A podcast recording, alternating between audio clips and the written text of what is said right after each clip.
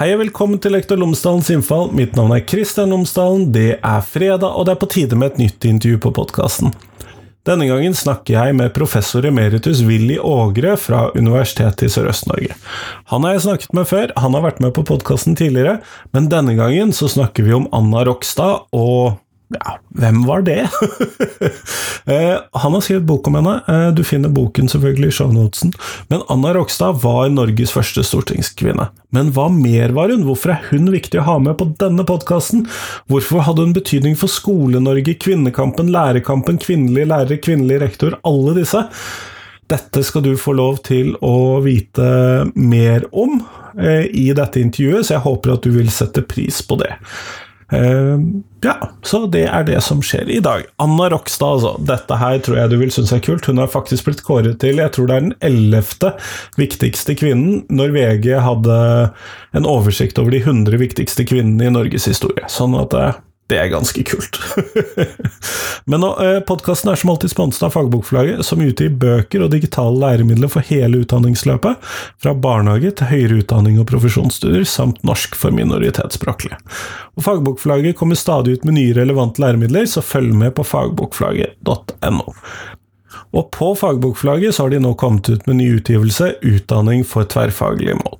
Og I lærerutdanningene så jobbes det med fagovergripende temaer, bl.a. digital kompetanse, forsknings- og utviklingskompetanse og mangfoldskompetanse. Og disse tre fagovergripende kompetansene er det som er omdreiningspunktet for denne boken, Utdanning for tverrfaglige mål, av Monica Johansen, Pål Lundberg og Bjørn Smestad. De er i hvert fall redaktørene.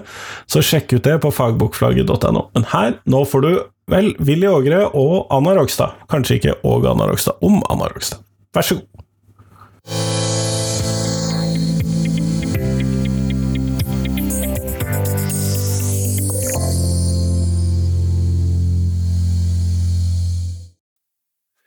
Willy Ågre, tusen takk for at du har tatt deg tid til meg i dag. Ja, dette gleder jeg meg til. Det er jeg veldig glad for. Du har jo vært med på podkasten før, men jeg må nesten stille deg det samme spørsmålet som jeg har stilt deg en gang før, sånn at folk kan bli litt eh, bedre kjent med deg, og i tilfelle de ikke har hørt forrige episode. Willy Ågre, mm. kan du fortelle meg tre ting om deg selv, sånn at de kan bli litt bedre kjent med deg? Ja, én ting er at jeg er i stigende grad historisk interessert. Uh, og jeg prøver å indoktrinere mine barn så godt som mulig for å få den samme lidenskapen. Og det er jeg veldig fornøyd med, for min 17-årige sønn, som er min yngste, hadde nå han som bestiller, nå vil jeg se på Oppenheimer. Eh, nå vil jeg se Napoleon-filmen. så da det ser, det ser, ganske lovende ut. Altså. Og nå så jeg og tre av barna mine så konvoi sammen, og min far var krigsseiler. Så da, da, da sa min datter på 23 at jeg vil vite mye mer om familien. Ja, men det er jo gøy. Det er, det er, tidlig, tenker jeg, for at det er jo sånn eh, rar Vår Herres practical joke kaller det. At han sørger for at historieinteressen kommer altfor sent. Av en eller annen grunn. Så man er 50, og foreldrene er kanskje ikke i live engang eh, for å få de spørsmålene som man eh, veldig nysgjerrig på å få deres svar på. Det er én ting. Og så historienerd er jeg blitt etter hvert, da. Og så er jeg musikkglad, har brukt store deler av livet mitt for å spille i band. og det bandet jeg spiller i nå, det har eksistert siden, med meg med da, siden 89. Så da snakker vi en stor andel av mitt liv. Da, som, så jeg har spilt i et sånt prog-band som jeg er veldig stolt av at jeg har vært med i, selv om jeg ikke var med på gjennombruddet.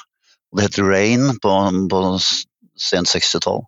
Altså, veldig glad for den, for den, altså den tapt, det tapte landet der, liksom.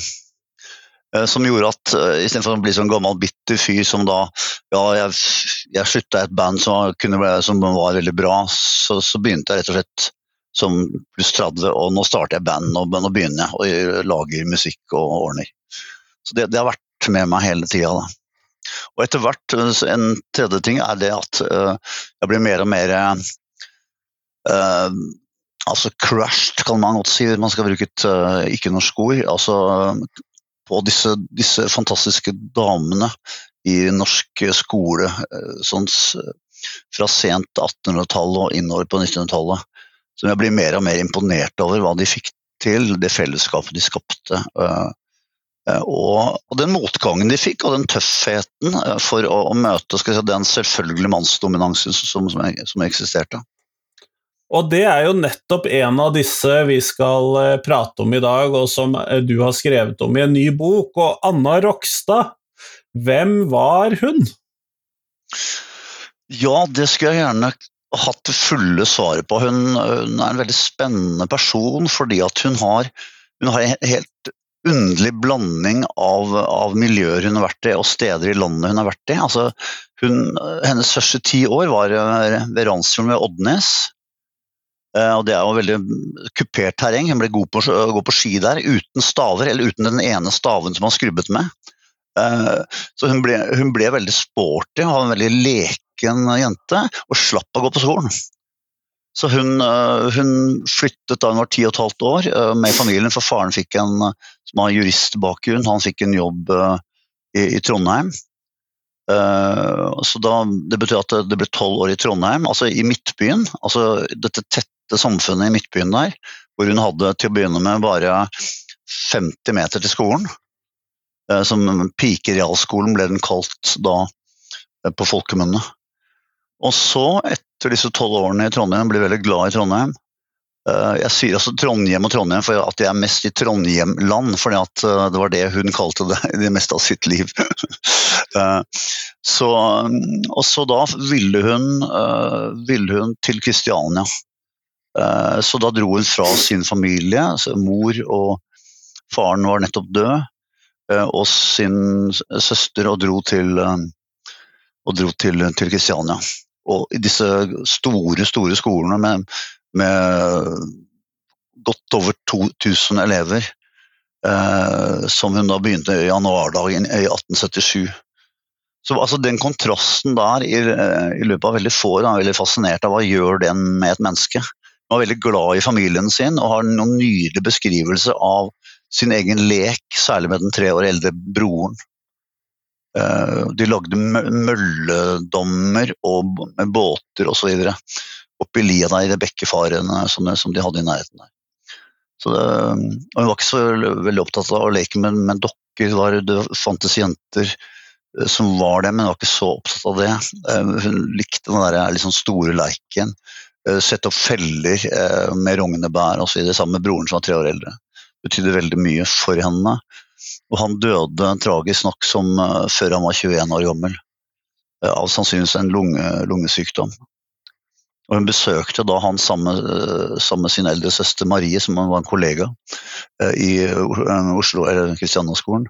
Besøkte han på hans dødsseng, da, som, hvor han bodde hos sin onkel i, i Gudbrandsdalen. Og da gikk hun, altså, gikk hun og Maria gikk fra Åndalsnes opp til eh, Kvam. Det er et stykke. Det er et stykke.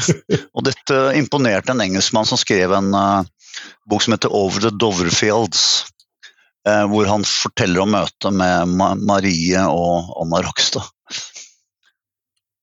I båttur fra Trondheim, og så da Han hadde jo hjelp til å de de hadde jo bare sekken på ryggen. Uh, han var dødsimponert. Hva slags damer er det her i Norge, liksom? ja, det, det, må jo si noe om en viljestyrke og en uh, stahet som uh, ikke Absolutt, ligner altså. mye. Ja, det er veldig imponerende. Uh, også, det betyr at da, da, hun begynte i Trondheim, så var hun to år eldre enn de andre. Og det betød at hun fikk en, eller tok på seg en slags hjelpelærerrolle. For hun syntes at disse mannlige lærerne var litt klønete, de, de, skjønte ikke jenter, liksom. Så hun prøvde å både være en slags uh, hjelpe læreren og hjelpe medelevene til å lære bedre. Så da fikk hun en veldig tidlig erfaring med det og betydningen av å være lærer, en støtteperson.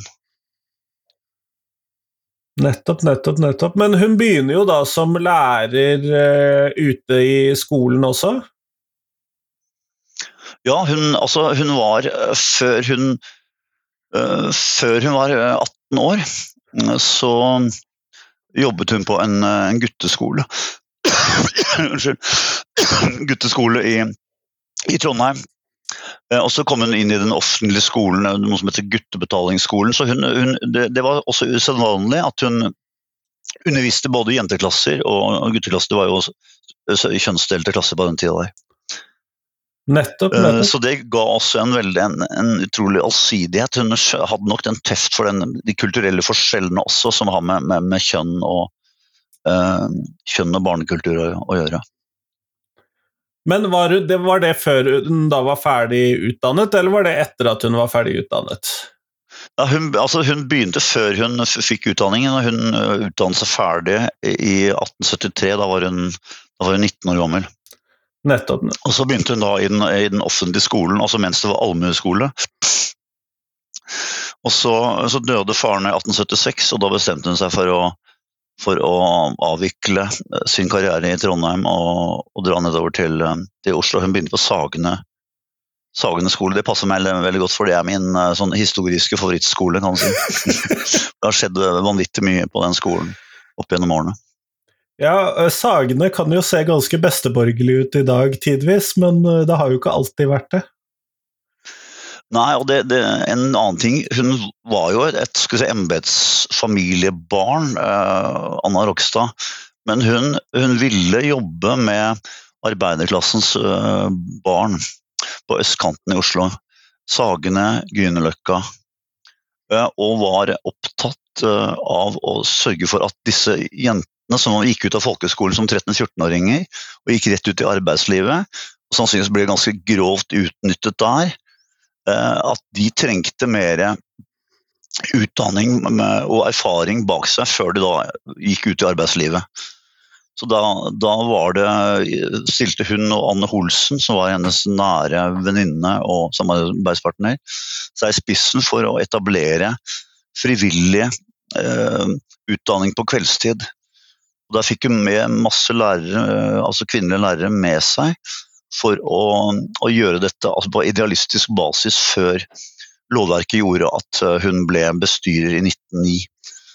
Så Det er også en, en, et eh, si, idealistisk krafttak som det skal veldig sterke leder, lederegenskaper til for å inspirere kolleger til å jobbe gratis, med tanke på den store visjonen om å støtte arbeiderklassens jenter til å få en utdanning og komme seg lenger fram i, i livet. Nettopp. Men hun blir jo en veldig viktig kvinne i flere organisasjoner og organisasjonsliv. Eh, hvor Mm. er det hun har engasjementene sine? Kunne du si noe om det? Ja, altså det, jeg, Av og til man, eh, er man heldig med timingen i, i, i sine liv. Eh, Og hun var jo da hun eh, Da dette store gjennombruddet med Norsk kvinnesaksforening fant sted i 1884, så var hun 30 år. Og da fantes det inspirasjonskilder som f.eks. Uh, Gina Krog, som da etter hvert etablerte Nylende, som det er veldig spennende å lese. Og hun, eh, både Olsen og Anne Rogstad ble medarbeidere i, i, i, i Nylendene. Eh, Og så var det sånn at pussig nok i ettertid så mente lederen av Norsk kvinnesaksforening, som het Berner, altså en mann, tiden var ikke moden til å kreve stemmerett for kvinner. Og dermed så kjente da Gina Krog og Anna Rogstad hverandre. Så de hadde sørget for et, et hemmelig møte hvor de etablerte Kvinnestemmerettsforeningen en desemberdag i, i 1885. Eh, Og Den lå stille en stund, men så hadde de en offensiv i 1888 og holdt store folkemøter rundt om i landet. Så der var hun helt sentral. Da. Så du kan si at eh, hun tilhørte kanskje den eneste gangen i norsk historie, hvis man skal spå litt framover, hvor det var en veldig tett eh, symbiose mellom kvinnesakstenkning, feminisme, og lærerinnenes si, interessekamp. Svært mange av disse nærmeste eh, medarbeiderne, som kollegene hennes, hadde s- feministisk sympati. Ja, nettopp. Og det er jo kanskje ikke så overraskende med tanke på den situasjonen som lærerinnene, eh, med fokus da på hele det ordet, eh, sto i forhold til sine mannlige kolleger. Ja, det, var, det er veldig interessant uh, å reflektere over det, for uh, mange av disse lærerinnene hadde en, uh, en si, embetsbakgrunn, embetsmannssamfunnet, ikke sant. Eh, faren til eh, Anna Rogstad var jurist. Ja, og det var liksom prestedøtre og universitetsdøtre osv. Og, så og de hadde ofte gått på de beste beste skolene som var privatorganiserte, f.eks. Hartvig Nissens pikeskole i Kristiania, hvor de lærte flere språk. Så du kan si at det var kulturforskjeller mellom mannlige lærere, som ofte var altså, øh, skoleflinke småbrukersønner, f.eks., som da etter hvert ble skoleledere. Uh, ofte venstresympatisører, uh, ikke uh, språkmektige. men det var mange av disse kvinnene. Eh, så f.eks. Eh, litt senere ute i, i, historien, eh, etter bruddet med Norges lærerforening, som senere ble en norsk lærerlag, så sørget da Anna Setne, da, som ble redaktør for det som ble hetende Vår skole, da sørget hun for at, uh, at uh, kolleger som kunne flere språk, de skulle sette seg inn i altså i, i tyske, franske, eh, engelskspråklige tidsskrifter og formidle det i vår skole. Så ikke noe lignende eh, blant, eh, blant, mennene eh, i norsk skoletidene, f.eks. Men eh, og du sier jo det at hun bryter med Norsk Lærerforbund senere. Men hun var jo faktisk nestleder i Lærerforbundet før hun gikk ut. Ja, ja da, Norges lærerforening het da, ble etablert i 1892. Eh, og hun ble, fikk faktisk flest stemmer eh, da de skulle konstituere seg, eh, men ble nestleder.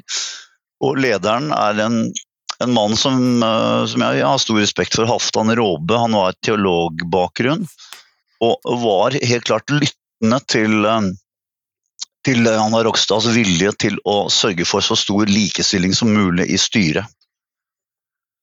Så øh, de, de, begynte i styret, så var det tre kvinner, tre menn, og så var det lederen som var Råbø. Uh, og så uh, neste landsmøte så ble det redusert til to. Og da ante Anna Rogstad fare der, og så, så fikk hun da inn den passusen at det skulle Opprinnelig stå det kvinner og menn, altså styret skulle bestå av kvinner og menn. Men nå uh, fikk hun inn passusen minst tre kvinner og minst tre menn. Og Dermed hadde hun sikkerhet, og det murret veldig blant eh, lærerne. Men Råbø Råbe støttet eh, den innstillingen der, og det varte. Men det murret i, i årevis, og det var den murringa var grunnlaget for at særlig Kristiania-lærerne stilte seg spissen for å, å be om et styreforholdstall som tilsvarte antall lærere og lærerinner på landsbasis. Nettopp. Tenk om det, skulle, det, kravet skulle eh, vært gjeldende i dag. altså Det betyr at eh, det hadde vært tre ganger så mange kvinner som menn i styret nå, hele tiden. liksom. Ja, det... Så det var, jo, det var jo, en liksom, ikke spesielt snedig, og elegant måte på, på, på, å forhindre skrekkscenarioet. Og de, jeg vil kalle det skrekkscenario, de formulerte Da kan det jo bli sånn at det er flere kvinner enn menn. Altså hvis det blir en kvinnelig leder. Altså det, det, var skrekkscenario, og det sa de liksom med alvorlig mine, en del av disse gutta. Men så ble det da landsmøtet i 1911, som er, som er uh, unikt i norsk skolehistorie. Hvor, uh, hvor uh, altså, Råbe og styret var klar på at det skulle fortsette som før. Men så var det dette, denne undergrunnsbevegelsen som ville ha det etter forholdstallet på landsbasis. Og da, da skjønte Anna Rogstad tegningen, eh, så hun laget et fraksjonsmøte på um, Engebrett kafé. Eh, hvis det og det skjer, hva, hva gjør vi da? Og det som de fryktet skjedde, det skjedde. Og så toget da kvinnene ut, de fleste av dem, mange som ble igjen også. De toget ut, og Kristiania lærerinneforening gikk i spissen for å etablere Norges lærerinneforbund. Og det ble konstituert i januar 1912. Og det er ganske interessant å lese all trakasseringen som, som da skjedde eh, mot kvinnene, som var eh, i spissen. Og det rammet både først og fremst Anna Rogstad, men også også Anna Settene. Sånn sett så har det jo ikke ting endret seg så mye. Det reageres jo på når kvinner løfter sine stemmer fremdeles. Ja, og da, da, var det selvfølgelig veldig godt å ha med den pondusen som man også hadde fra kvinnekampen på, i det moderne gjennombruddstida, altså 1880-tallet. Men hvis vi hopper litt bort fra Anna Rokstad som lærer ja. eh, du sendte meg jo det som da er eh, Norges 100 viktigste kvinner, oversikt som eh, VG laget i forbindelse med stemmerettsjubileet. Stemmerettsjubileet for kvinner, vel å merke, da i 2013. Hun er mm. satt på ellevteplass! mm. eh, hvorfor såpass høyt, hvorfor såpass viktig? Mm, det er uh, Altså, jeg har gjort uh, trikset litt med de tallene, er veldig morsomt oppsett som VG har der. Eh, så, så, hun var jo veldig framme på tre områder i politikk. Hun var jo første stortingskvinne. Det var jo en, var en, faktisk en verdenssensasjon. Som ble dekket av europeisk og amerikansk presse. Eh, det at hun kom på Stortinget 17.3.1911. Eh, så det, sånn som symbolperson, politisk symbolperson, Eh, så er hun stor, eh, og så er hun også stor på feministisk side, kvinnesakskvinnene. Eh, og, og det er ofte lagt for lite vekt på, etter mitt syn. Hun var jo en utrolig dyktig og allsidig lærebokforfatter. Og hennes første bok, som handler om sånn, altså religionsundervisning, den ble oversatt til finsk og svensk eh, så fort det var mulig. Altså 1887 var det en eh, Hun var på en turné, en studietur til Finland for å, for å sette seg inn i lærerutdanningen der, som var ganske eh, langt framme. Og var der tre måneder. Og ble kjent med finske kvinner. Og da følte jeg at denne boka her ble oversatt og det, det, sier litt om, om hennes si, sosiale evner, hennes evne til å omgås folk. Det ble laget en fest for henne etter at hun hadde vært der én måned i Finland. Eh, så skulle hun studere folkeskolen eh, i Helsinki primært, og så etter hvert da de neste to månedene studere lærerutdanning. Og hennes første artikkel som 24-åring i, eh, i 1878, den, den, handlet om et kritisk blikk på på lærerutdanning for, for, jenter eller for kvinner. Og den ble møtt med øredøvende taushet. Veldig skarp og godt skrevet uh, polemisk artikkel som ble møtt med en mur av taushet. det er veldig uvant at kvinner hadde sånne skarpe, uh, skarpe meninger. Så da visste ikke gutta hvordan de skulle forholde seg til det. tydeligvis. Og da var det gutta som var enerådende på lærerseminariene i Norge som har en historie tilbake på 1820-tallet. Eh, det var hun som kjempet eh, kvinnene inn eh, i lærerseminaret fra 18, 1890. Det var, det var Anna Rogstads verk. Og det blir jo da viktig også for den skolen vi har i dag, da, med at man da får inn kvinnene såpass tidlig. Ja. Relativt sett såpass tidlig, jeg syns jo ikke det er voldsomt ja, tidlig. Ja, altså vi, vi, lå, vi lå ganske godt an i nordisk sammenheng, faktisk. For det var jo mange gode danske lærerutdanninger altså for kvinner. Eh, men at det ble tilgang på disse si, offentlig finansierte seminariene, da var vi eh, tidlig ute i Norden. Men hva slags Og dette leder oss jo kanskje tydeligere tilbake til skolen. Hva slags skole For du sier jo at hun hadde et ekstra hjerte for uh, disse arbeiderklassejentene. Uh, mm. Hun arbeidet for lærerinne osv. Men hva slags skole hva var det hun ønsket å se i, ute i skolen? Hva, hva, hva, slags skole var det hun var på jakt etter? Ja, altså Du kan si at det praktiske, som jeg mm, bruker som et viktig ord i denne boka her, eh, der hadde hun en innsats på to områder. Hun skrev jo mange lærebøker, ikke minst i, i norskfaget, og etter hvert samfunnsfaget på, i det som senere ble kalt framhaldsskolen, altså fortsettelsesskolen. Eh, så bare det er et sant, det, Som lærer selv så vet du hvor, hvor viktig, god hjelp gode, gode lærebøker er. Både for å, for å vekke interesse blant elevene, og for at du har et sånt repertoar, et grunnrepertoar som du kan jobbe videre ut fra i, som lærer. Så det, der gjorde hun helt uh, utrolig innsats på veldig mange, og, og skrev altså Og så allierte hun seg med en, av Norges viktigste barnebokforfattere, Elling Holst. Så de ga ut ABC for, uh, for skole og hjem, ble den kalt. Som også etter hvert kom på nynorsk. Uh, og den siste tallet jeg så uh, på en annonse, var 662 000 eksemplarer av, av den boka. Og Elling Holst døde i 19, 1915, så hun var med Altså de justeringene og revideringene var det hun som sto for da. Utover på 20- og tidlig 30-tallet. Så det, det, er den siden, altså bøkenes betydning som et praktisk hjelpemiddel. Men eh, det andre er, er eh, det å bruke hender, bruke samarbeidsevne eh, rent fysisk. Tegne Hun laget en, en av de første bøkene i Norge på tegneundervisning i 1890. Hun så jo at det var et viktig fag som kom inn etter loven i 1889, og, og ville hjelpe det fram. Og så, øh, og så var det da selve den, denne utdanningen, yrkesretta utdanning, som gjorde at disse unge jentene på 13-14 kunne lære seg um, altså handelsfag. Eh, frivillige på, på, engelsk også, uh, utover uh, 1910- og 1920-tallet. Uh, ja, eh, og ikke minst altså, eh, husstell og skolekjøkken, som var jo en sterk bevegelse i Kristiania eh, og, og ellers i landet fra 1890-tallet.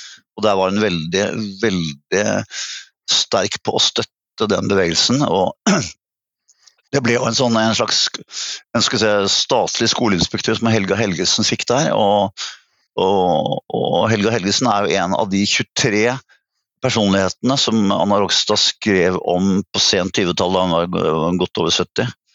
Eh, for å Altså hun så nok at gode historier om interessante personer som har utrettet mye, eh, det treffer eh, barna. Det inspirerer barna. Hun var jo veldig sterkt engasjert av Bjørnson. Og Bjørnson var en uhyre viktig symbolperson som, som hadde tro på lærere, Han lærere som en sånn ryggrad i, i kunnskapssamfunnet.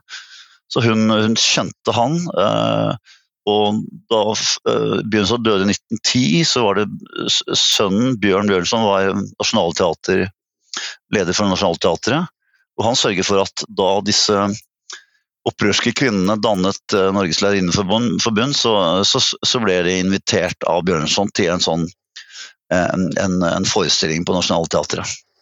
Var eh, Og jeg tenker også det praktiske eh, i henne var også på organisasjonsplanet at disse, disse 10-12 møtene i året som Kristiania Lærerinneforening, før de ble dette forbundet, landsforbundet, de hadde nesten jeg vil kalle det nesten folkeakademier. altså De inviterte folk fra alle slags skal si, akademiske bakgrunner til å holde foredrag om det kunne være om kunst, om religion, eh, om zoologi osv. Eh, osv.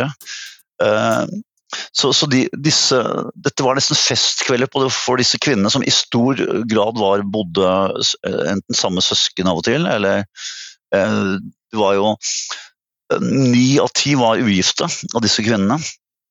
Eh, så det var veldig viktige sosiale begivenheter, disse møtene. Og, den, altså den, altså den både understrekning av betydningen av vi må følge med i skolepolitikken her i byen, eh, og vi skal ha det hyggelig sammen. Og den kombinasjonen der var, var dynamitt, altså. Og det skjønte hun veldig tidlig, at dette her, altså vi må få det, vi kan ikke bare drive si, didaktiske råd og vink og tips uh, på disse møtene. Det må handle om større ting enn det, men også det, altså i kombinasjon uh, med også de praktiske tingene. F.eks. Margrethe Munthe holdt uh, foredrag etter sin studietur i England og Skottland i 1900. før hun ble kjent som skolesangforfatter. Helga Eng ble selvfølgelig invitert til å fortelle om sin forskning, eh, som baserte seg på Lakkegata skole i, Oslo, hvor eh, både Eng og Setne eh, var kolleger. Sånn disse fungerte da som både sosial og faglig utviklingsarena, da? Ja, til de grader. Ja, for, for det legger jeg merke til. til. Også, så, så du kan si at Hun ville også at, at disse, disse avslutningene, som jeg av og til eh, refererer taler som hun holdt for, for disse unge elevene, eh, som også skulle være skal si, eksemplarisk læring. Altså, man skulle gjøre noe ut av, man skulle lage ritualer eh, for å skape fellesskap eh, i de sosiale settingene man, man hørte til. Eh, så det ble en, en skole, det også indirekte. Så det er også veldig impo- imponerende. Eh, En annen ting som, som også var en kampsak, eh, så var det at sånn rundt 1910 så, så gikk man stort sett av som 65-åringer. Men så begynte den å sige på mannesiden, eh, og man jobbet til man var 70. Mens kvinnene måtte søke hvert år hvis de skulle fortsette. Eh, og i en tid hvor det var nesten umulig for kvinner å bli overlærere, så ble jo dette et grep som, eh, som både Anna Setten og Anna Rogstad måtte kjempe mot. Det høres veldig rart ut. Altså, Du er fagforeningsleder, og så skal du kjempe for å få økt uh, aldersgrense. Ikke sant? Ikke sånn typisk vinnersak, og det var jo folk som reagerte på det også, av kvinner. Men det handler Men altså, kanskje kan om si å bli tatt seriøst uh, som eh, fagperson, kanskje mye mer enn uh... Ikke sant? Altså, du kan si at når, når gutta holdt på overlæringsstillingen sin til de var 70, eh, og, og jentene stort, eller kvinnene stort sett måtte være i hvert fall 20 bedre kvalifiserte enn mennene for å ha sjanse til å konkurrere dem ut, så ble jo det en sperre for å kunne, uh, kunne komme inn uh, som leder. Og Anna ble det aldri. Et, jeg, jeg vil kalle det århundres forbigåelser hun, som hun var utsatt for der, altså. Uh, og da ble en gang så ble det brukt eh, som argument mot henne. Ja, men hun er jo 58 år, og det er jo ikke lenge før hun må gå av. Ikke sant? Og da ser du sånn et eksempel på hvordan den fungerte, den der ulike aldersgrenseregelen.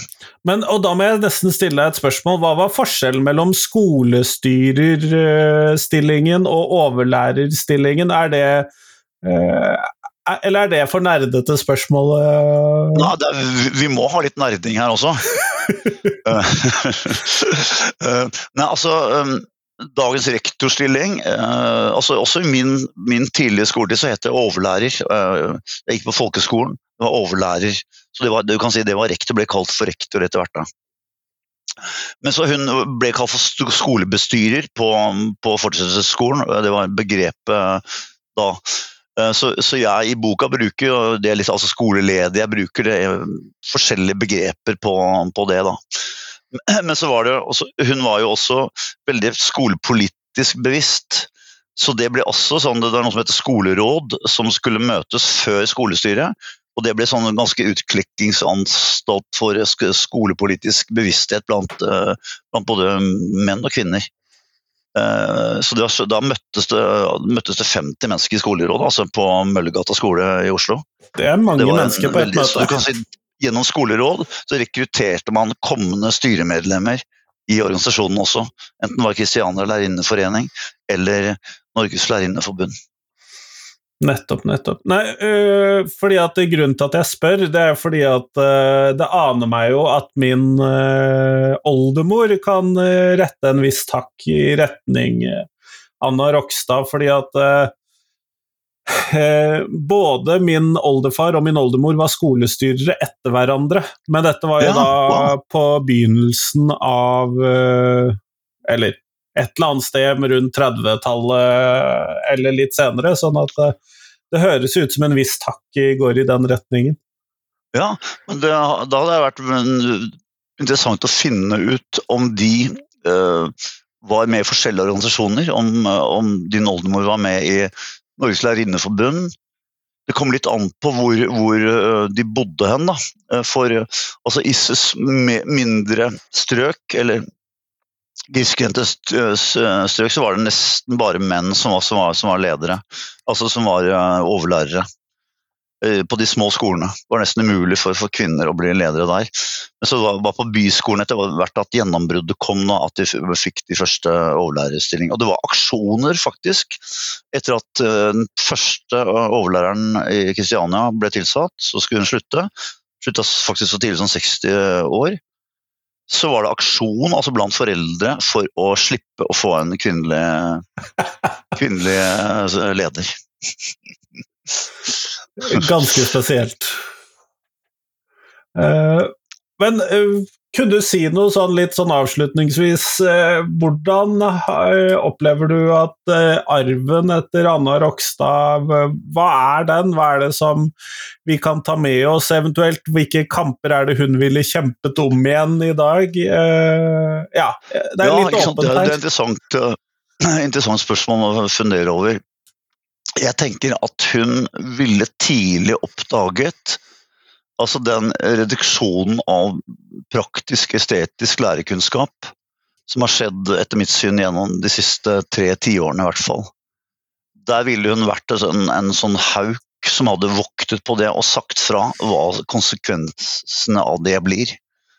Uh, og du kan si at jeg tror hun også ville pekt på uh, Sagene skole under Anna Setnes ledelse som veien å gå for å sørge for at uh, at eh, nærmiljøet var en del av eh, var det viktigste læremiddelet over alle. Det var det som skjedde rett utenfor skolestua. Eh, I det tilfellet da industrien på den andre siden av fossen. Og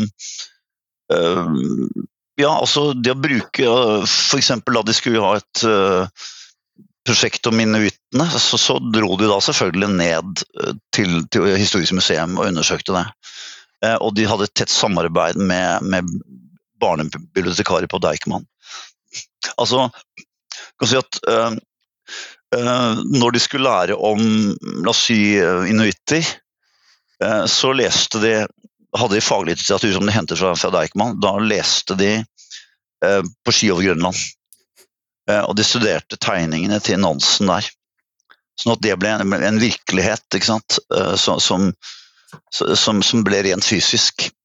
Og det prosjektet endte, tro det eller ei, jeg skulle gjerne hatt den kajakken hengt på et skolemuseum. Altså. De laget faktisk en kajakk eh, på Sagen skole på, på 30-tallet. Tredjeklassinger. Med hjelp av hendige sjetteklassinger. Bare tenk deg det. Altså, tenk å få det spørsmålet hvis du er lærer. De blir kjempeivrige etter å holde på med Robinson Crusoe i tre måneder. Og har lært om lengdegrader og breddegrader og tropisk klima osv. Og, så spør da en uh, ivrig elev deg som lærer Lærer, kan ikke, kan ikke vi lage en kajakk? Ikke, bare snakke om det og se bildene, vi skal lage en kajakk. Og det, det, klarte de å gjøre. Altså, det praktiske, altså for å skjønne, skjønne det klimaet, skjønne hverdagen til, til eskimoer, som det da vanligvis ble kalt, så måtte man skjønne Så da ble det laget grupper. Hva slags redskaper bruker det? Åssen bor det? Hva slags klær har det? Altså Rent fysisk, den kunnskapen som man jo kan lese om. Men det å gjøre det, gjøre de tingene som man leser om, det, for meg er det en, en, en, eh, en kjepphest som, eh, som, Anna Rokstad ville vært helt i spissen for. Hun ville sett det tidlig.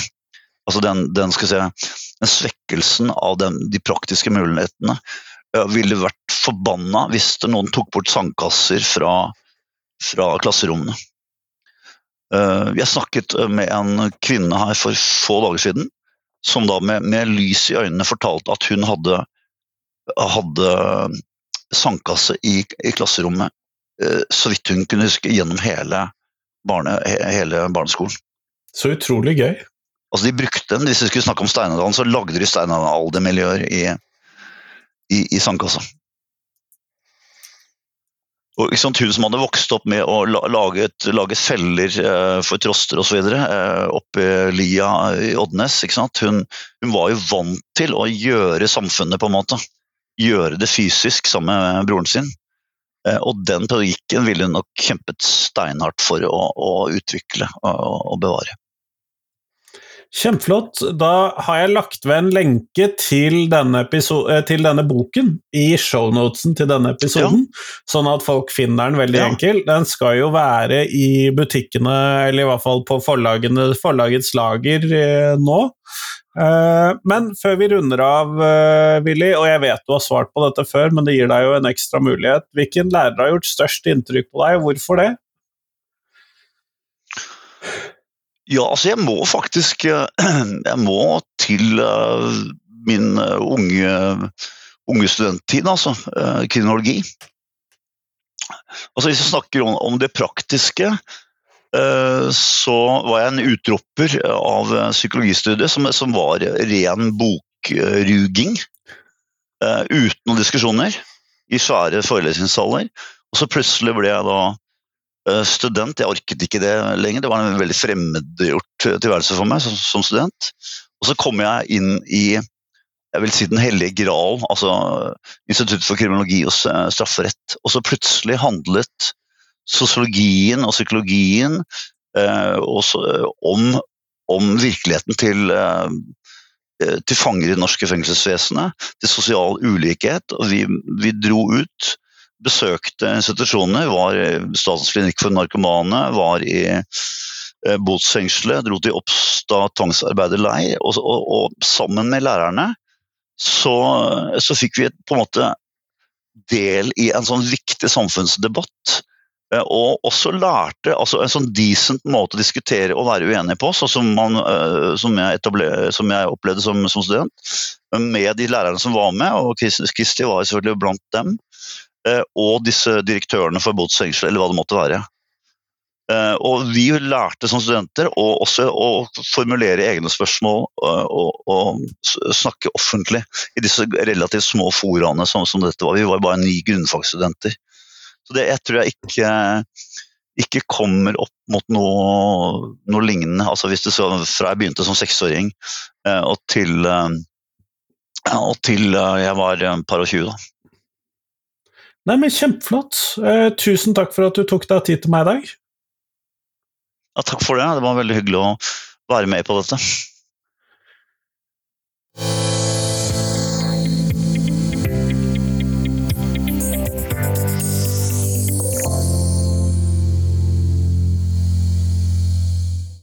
Tusen takk til Willy, tusen takk til Anna Rokstad, og tusen takk til deg som hørte på. Nå er det en uke igjen til uh, Vel, nei, det er ikke det. Fram til mann tirsdag så kommer det en ny episode på podkasten. Og for du som er litt utålmodig, så kan du høre den allerede mandag klokken 22. Det er en liten hemmelighet. Ikke kanskje ikke en hemmelighet, det er i hvert fall noe som har vært en realitet hele podkastens historie. Podkastene slippes klokken 22 kvelden, før jeg sier at jeg slipper dem. Så det er noe vel jeg stort sett forholder meg til. Jeg tror ikke det er så mange av dere som gjør det. Men eh, det er et greit tidspunkt å slippe podkast på, kunne jeg oppleve når den gang da jeg måtte trykke 'publiser' på hver enkelt episode på riktig tid. Det var ganske krevende. Heldigvis så må jeg ikke det lenger. Men i hvert fall, eh, det som skjer fremover på podkasten Den 13. mars 2024 i Oslo på Litteraturhuset så er det livepodkast og boklansering for boken min 'Burde vi det? Profesjonsfaglig etisk kompetanse i skolen'.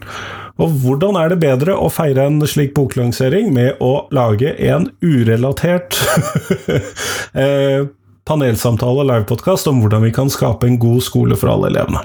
Dette er selvfølgelig ikke urelatert, dette er et viktig etisk tema i skolen, det er et viktig grunnleggende tema i skolen, og, men det er ikke hovedsakelig knyttet inn mot boka. Sånn vi får med Sara Eline Eide, Håvard Sveberg og Kristine Lilletun Norheim, som skal snakke om sine perspektiver på hvordan vi får med oss de siste elevene som vi vanligvis ikke får med oss inn i skolen. Sånn at dette tror jeg blir kjempespennende. Så finn i shownotesen eller på Facebook-siden, finn hvordan kan vi skape en god skole for alle elevene, og bli med på livepodkast. Nå, ha en fin helg. Hei, hei.